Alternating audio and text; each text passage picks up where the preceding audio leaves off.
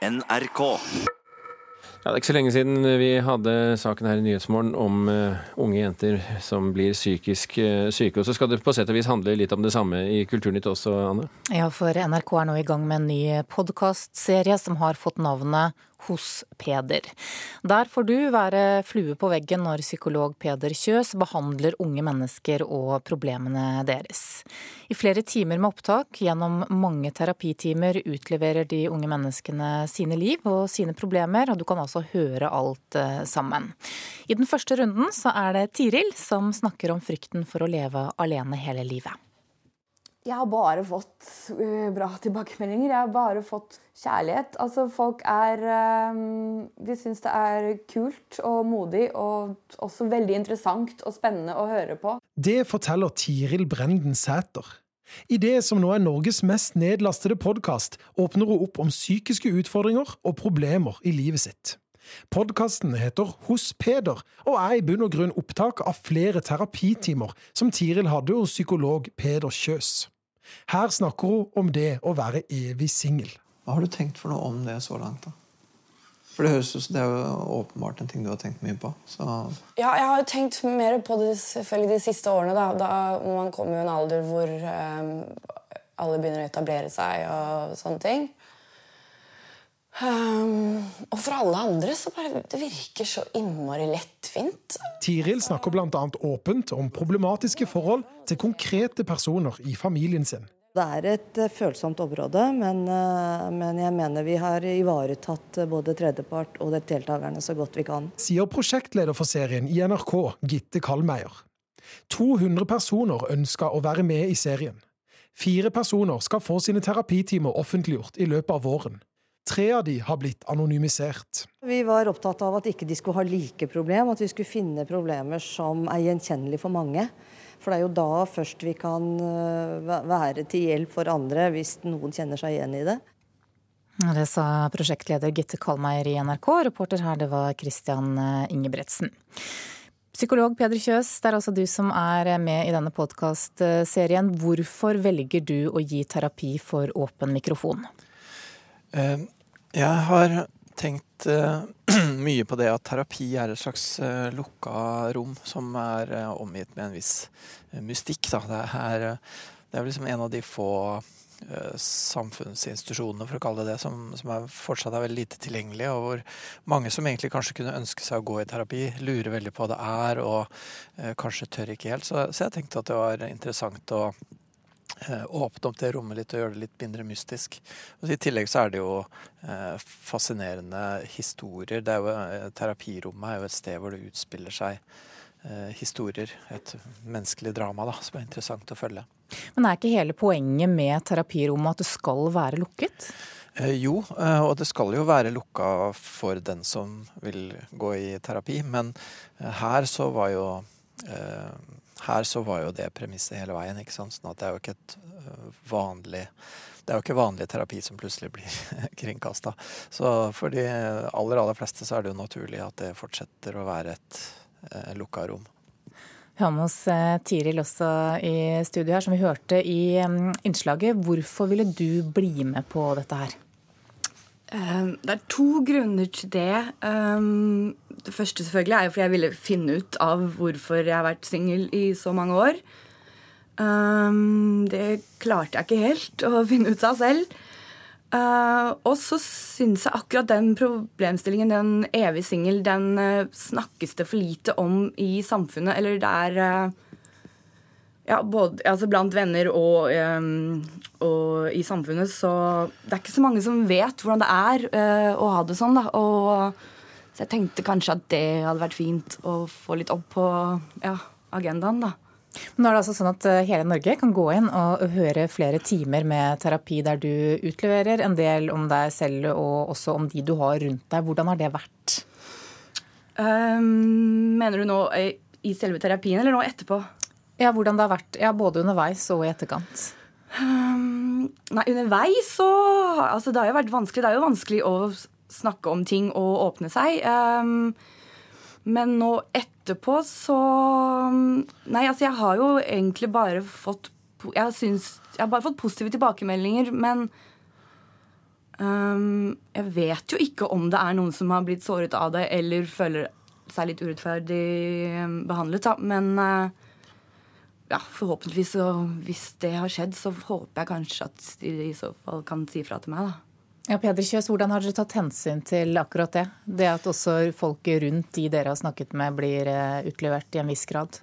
Eh, når vi har gjort selve terapien, så har vi gjort den så vanlig som mulig. Og så har det vært eh, klipping etterpå. Så selv om disse timene framstår veldig likt som det var på, på, ordentlig, holdt jeg på å si, men det er jo etterbehandla på nettopp den måten at vi har klippa bort eh, navn på folk som er nevnt, og også enkelte episoder og historier. Så, så det er jo litt sortert i materialet. Sånn. Det er jo et hensyn som man er nødt til å ta. For, fordi at i terapi så snakker man jo nettopp om de aller mest følsomme temaene. Og de som da blir omtalt, de har jo ikke bedt om dette her. Så, så man må jo beskytte dem litt, da. Mm. Så hører vi at dette altså er Norges mest uh, nedlastede podkast i øyeblikket. Hvorfor er interessen så stor, tror du? Ja, det, det, er jeg veldig glad for, og egentlig litt overraska over også. Jeg tenker jo at det her på en måte er litt sånn sakte radio, ikke sant. Eh, terapi går ofte sakte og er snirklete og eh,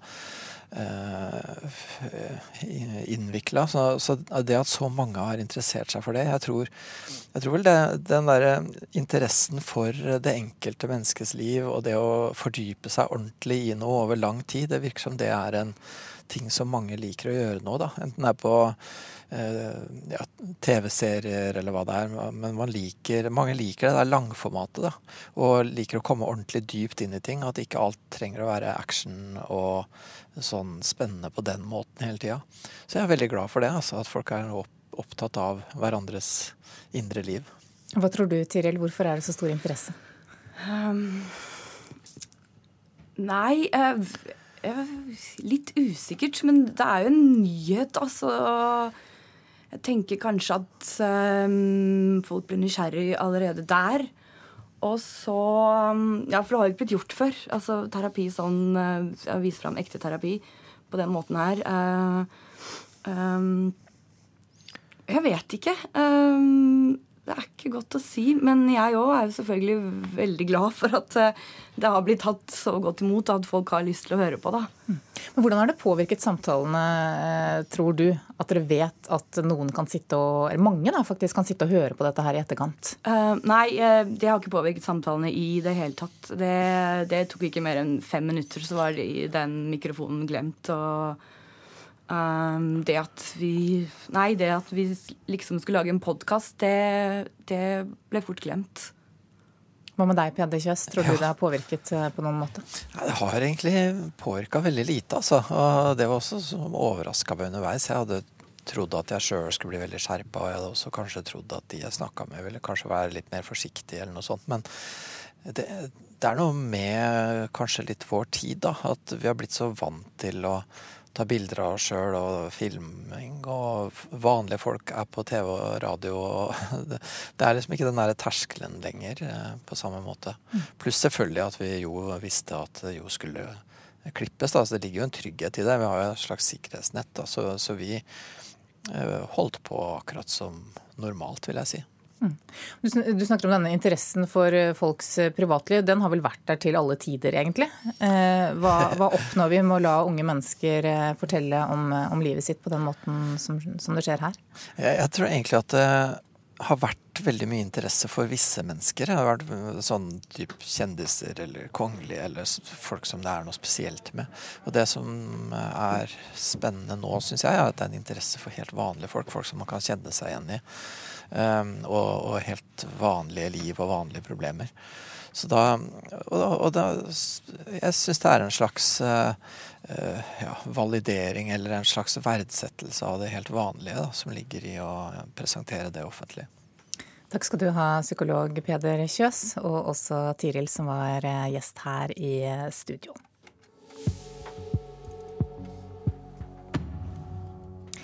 Da skal det handle om eh, litteratur.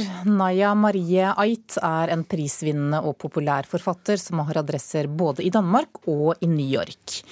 I 2015 så ble både livet og forfatterskapet hennes endret da en av de fire sønnene hennes led en brå og meningsløs død.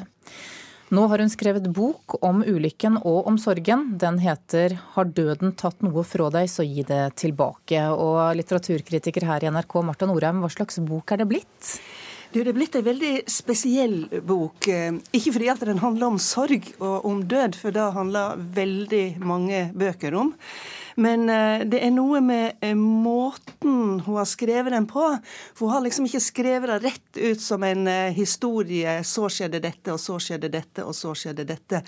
Men eh, tvert imot så har hun laga en kollasj der hun eh, både bruker dagboksnotat, e-poster hun har fått fra den døde sønnen sin, eh, oppslagsverk.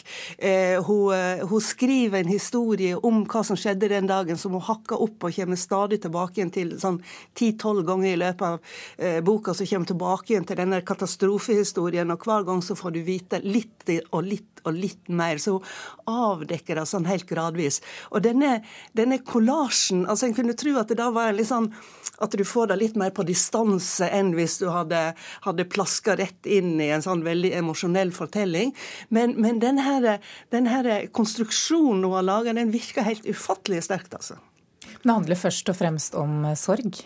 Ja, eh, det handler først og fremst om sorg, men også om eh, det korte livet han levde før han døde. Denne sønnen, han ble 25 år.